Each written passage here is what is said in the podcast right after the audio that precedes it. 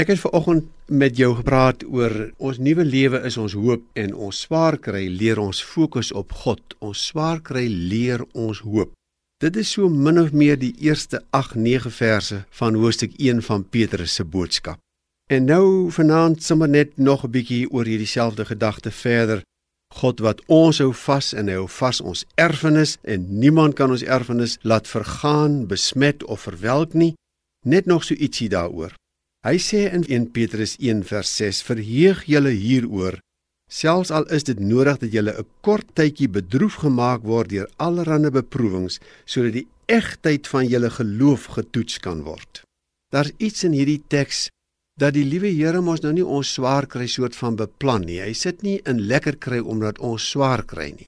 Maar in ons swaar kry is hy by ons.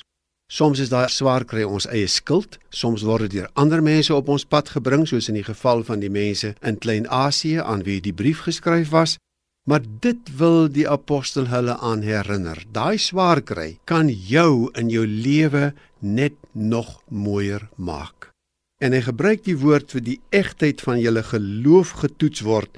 En daai geloof is kosbaarder as goud, staan daar in vers 6.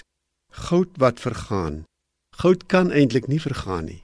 Maar in verhouding tot die kosbaarheid van ons verhouding met die Here, ons geloof, is goud eintlik verganklik. En ons swaar kry louter ons om net nog mooier mense te word.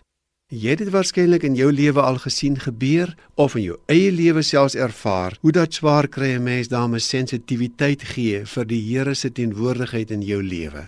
Dit maak jou net 'n mens met 'n fyner aanvoeling van dit waarmee God in jou lewe besig is. En daaraan herinner die Bybel ons vanaand. Nou jy moet onthou dat die swaarkry van hierdie mense was ter wille van Jesus. Jou en my swaarkry is so dikwels nie ter wille van die Here Jesus nie.